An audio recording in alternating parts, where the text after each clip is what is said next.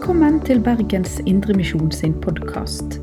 For mer informasjon om oss, besøk oss på betlehem.no, eller finn oss på Facebook og Instagram der som Bergens Indremisjon.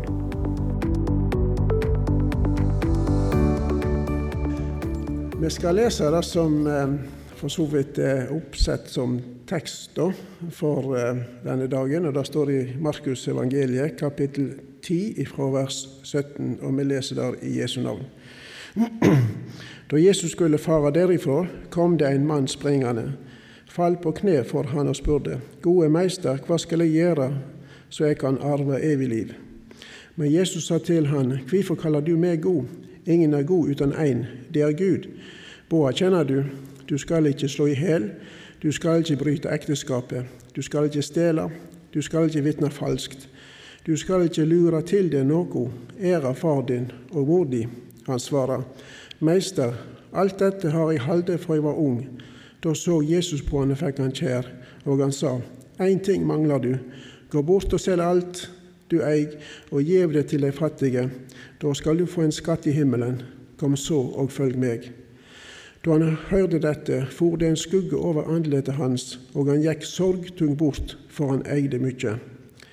Da så Jesus omkring seg og sa til læresvennene sine, hvor vanskelig det blir for de som eier mye, å komme inn i Guds rike.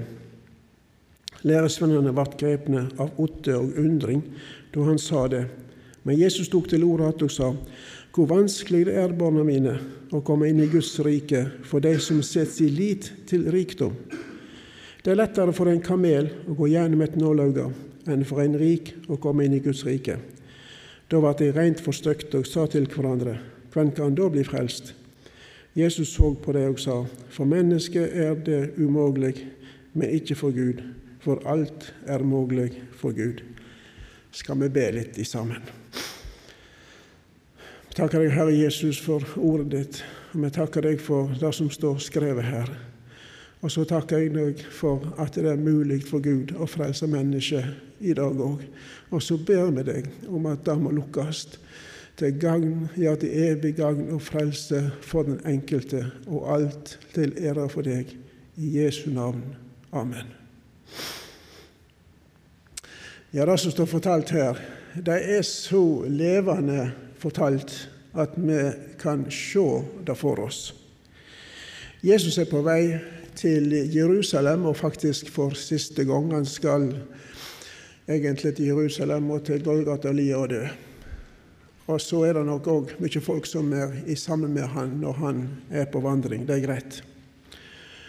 Og da er det da at eh, her kommer det en mann springende imot han og faller på kne for han. Denne historien den er òg gjengitt hos Matteus og Lukas, da får vi litt tilleggsopplysninger, men det er greit. Denne karen som kom her springende, det var ikke noen sånn hvem som helst, kan vi si.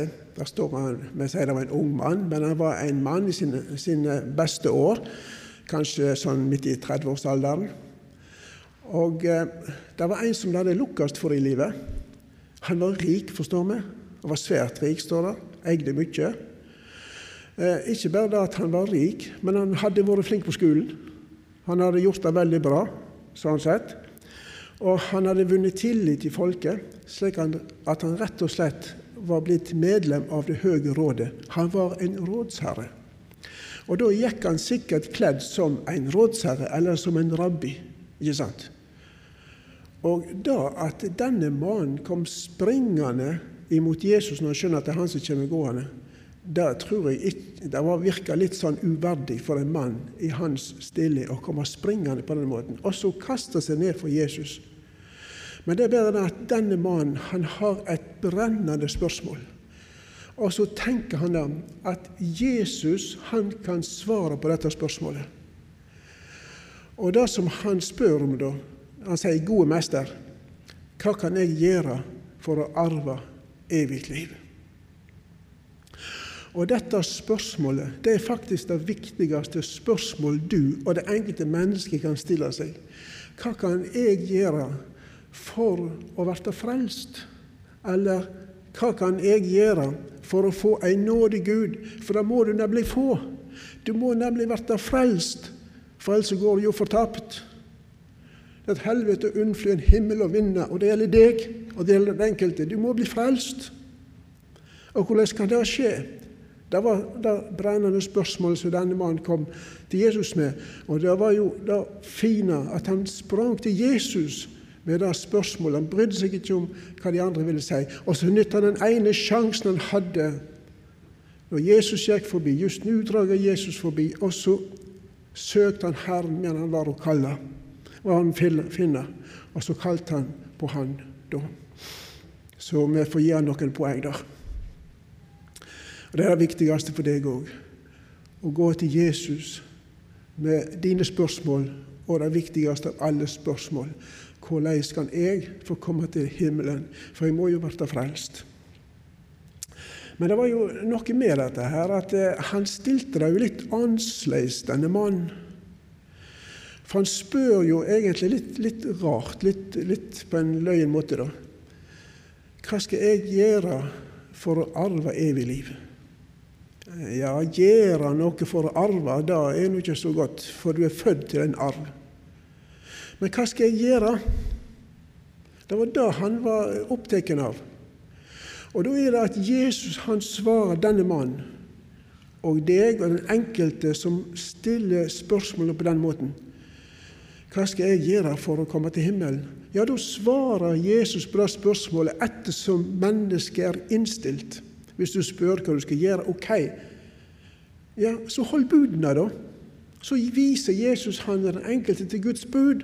Hold budene. Du skal ikke stjele, du skal ikke lyge, du skal elske Gud nesten overalt. Og da er det sånn at det, det, står jo rett og slett da i Guds ord at den som lever etter buda, eller gjør det som budene sier, skal leve ved det, eller skal leve ved det.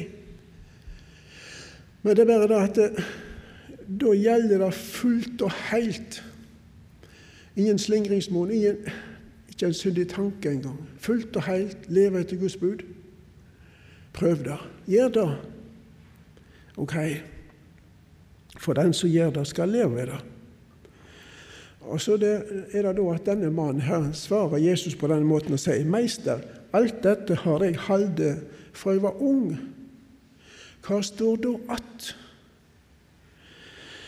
Han følte da at det, det var noe som mangla. Og så håpte han at Jesus kunne si hva det var. Og så var han innstilt på å gjøre det òg. Si meg hva det er som mangler, så skal jeg gjøre det òg. Da så Jesus på han med et kjærlig blikk. Vi kan se det for oss. Han ser på han, full av kjærlighet til denne mannen. Og så sier han til han at han skal gå bort og selge alt han eier og gi det til de fattige. Så skulle han få en skatt i himmelen. Kom så, følg meg, sa Jesus. Men da tenker jeg da at denne mannen fikk sjokk, rett og slett. Det var ikke dette han hadde tenkt seg. Og der og da så ble han rett og slett avslørt, avslørt som, faktisk som en avgudsdyrker, kan vi si. For han som mente at han hadde holdt alle bud, han elska jo pengene og rikdommen sin mer enn Gud og nesten. Og dessuten, hvem var det som var i følge med Jesus? Jo, det var jo tolvmenn og syndere som holdt seg ned til Jesus og hørte på han som det står. Det var, det var slike som var i følge med Jesus, og disse hadde ikke han lyst til å gå i lag med. Sånne hadde ikke han lyst til å bli identifisert med. Og så var prisen for høy. Og så for det en skugge over ansiktet hans. Han gikk sorgtung bort, for han eide mye, eller han var svært rik. Da så Jesus omkring seg og sa til læresvennene sine hvor vanskelig det vil være for de som er rike, å komme inn i Guds rike. Læresvennene ble forstøkt over ordet hans, men Jesus tok atter til ordet og sa, Barn, hvor vanskelig det er for de som lit på rikdommen sin, å komme inn i Guds rike. Læresvennene ble nokså forskrekka over det som Jesus sa. Men han presiserer faktisk at det er umulig for den som liter på noe hos seg sjøl, å komme inn i Guds rike. Og så sier han det er lettere for en kamel å gå gjennom et nålauge enn for en rik å komme inn i Guds rike. Og så har jeg tenkt hvordan kan det skje at en kamel kan komme inn gjennom et nålauge? Jeg har problem med å få tråden på nåla. For det er så veldig lite hull, ikke sant? Ja. Men hvordan kan en kamel, en voksen, stor kamel, komme igjennom et nålauge? Jo, jeg har tenkt at det går an. Jeg er kanskje litt barnslig, men det er greit at det er noen gutter og jenter òg her. Iallfall en gutt. Ja, hvordan kan en kamel komme gjennom et nålauge? Jo, det skjer på den måten at først må han dø. Ta livet av han. Og så må han males og pulveriseres, rett og slett til et pulver eller støv.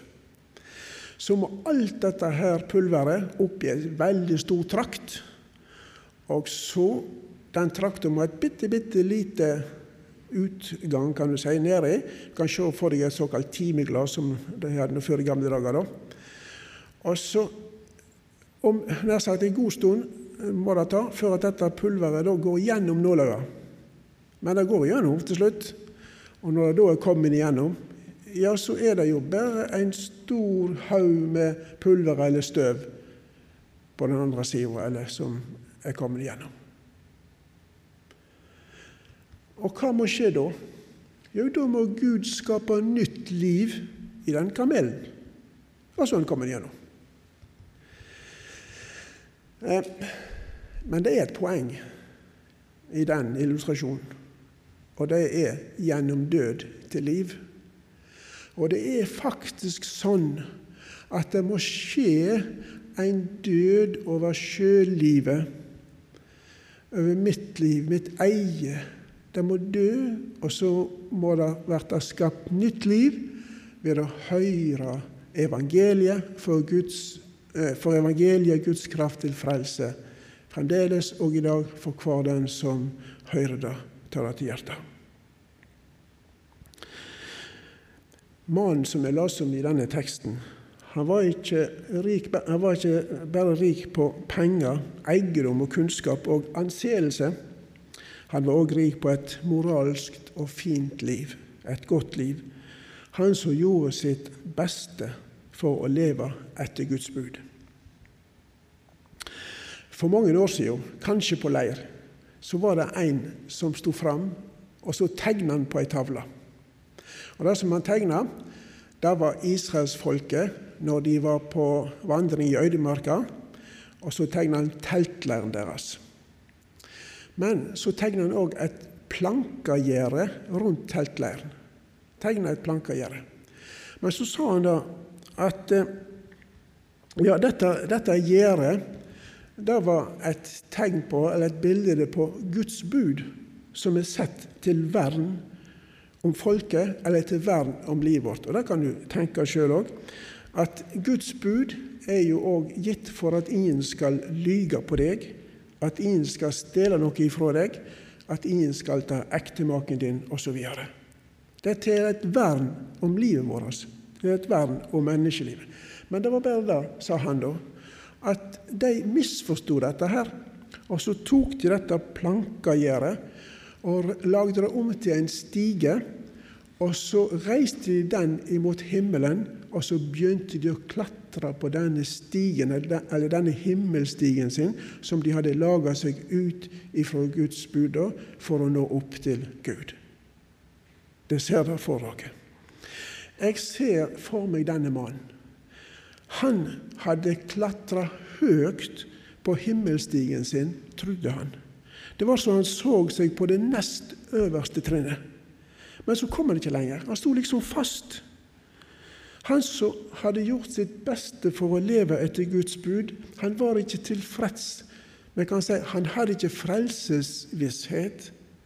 Han bar på ei uro, og den uroen var faktisk så stor at eh, han sprang til Jesus med det, og det var jo veldig lurt, da.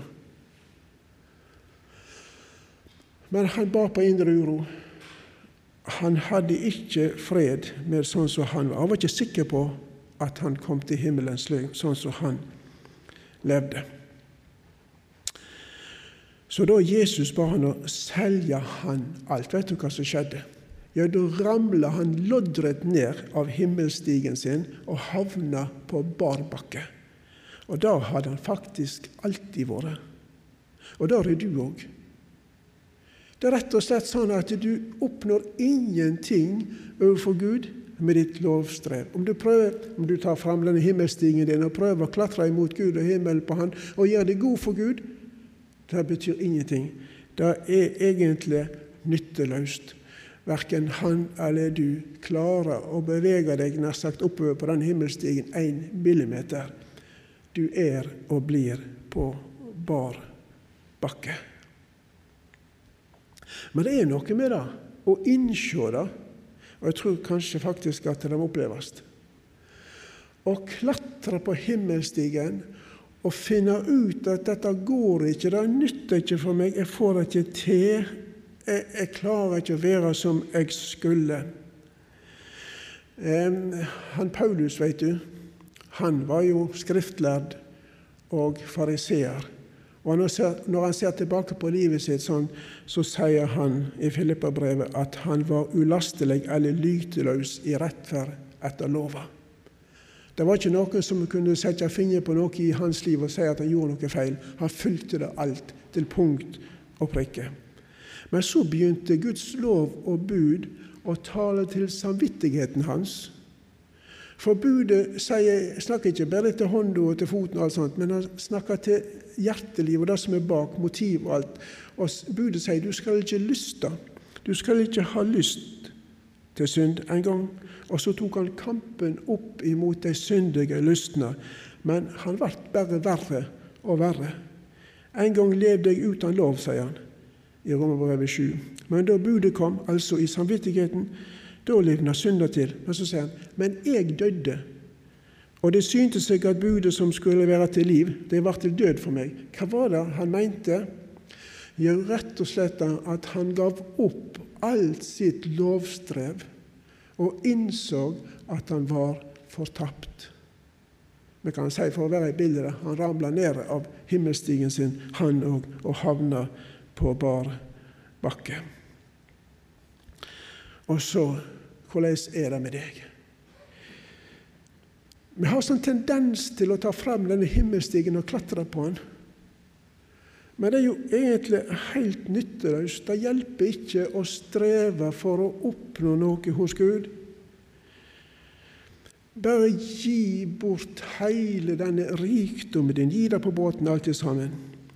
Alt du liter på hos deg sjøl, gi det ifra deg så skal du få en skatt i himmelen, og så skal du få komme og være sammen med Jesus og følge Han. Og det er det beste av alt.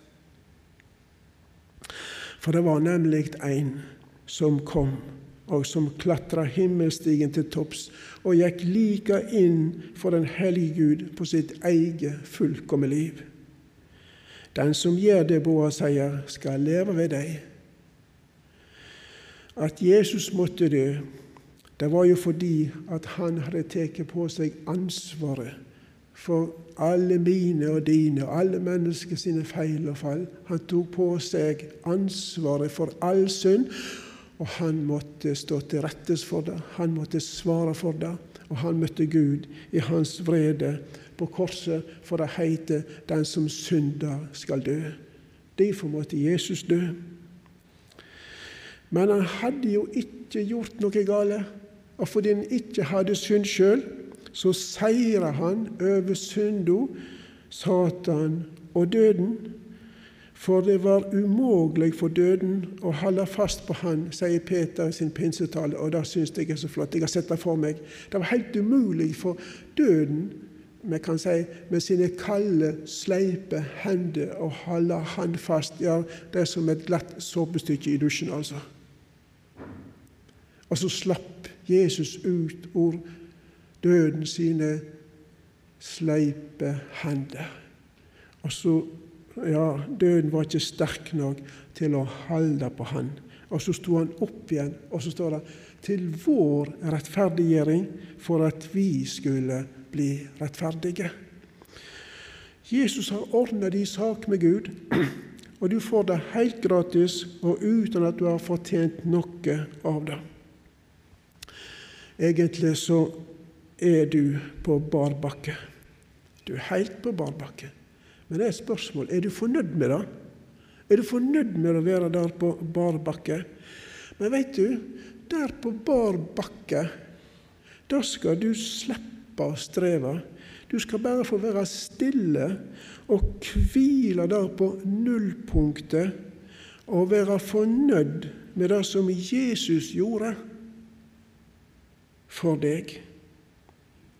For Gud er nemlig fornøyd med det som Jesus gjorde i hans død og i det livet som han levde for oss. Gud er fornøyd med det som Jesus gjorde. Når blodet har virket så kraftig hos Gud at han lot seg evig forsone, og derfor alene vil ta deg til brud og gi deg den himmelske krone, så la du deg dermed òg nøye. Jeg syns det er sånn et fint vers. Så la du deg dermed og nøye Vær fornøyd med det Jesus har gjort. Og en annen sang som jeg skal sitere, som jeg syns er så fin. Tenk, Jesus har sagt at hos meg vil han bo, om enn jeg har intet fortjent. Mitt liv er elendig og liten min tro, men det han har sagt, har han ment. Jeg er ei fornøyd med min tro og min bønn, mitt eget er bare en skam. Men jeg er fornøyd med Guds enbårne sønn, ja, jeg er fornøyd med Guds lam. Hva gjør det om hjertet meg dømmer og Satan drar manglende fram? Når Jesus er med meg, Guds ord taler sant, så får, de an, ja, så får de anklage ham. Jeg synger og jubler, nå eier jeg alt, for Frelseren hos meg vil bo. Han loven har oppfylt og gjelden betalt. Jeg kan bare takke og tro. Amen. Du har lytta til Bergens Indremisjon sin podkast. For mer informasjon om oss, besøk oss på betlehem.no, eller finn oss på Facebook og Instagram der som Bergens Indremisjon.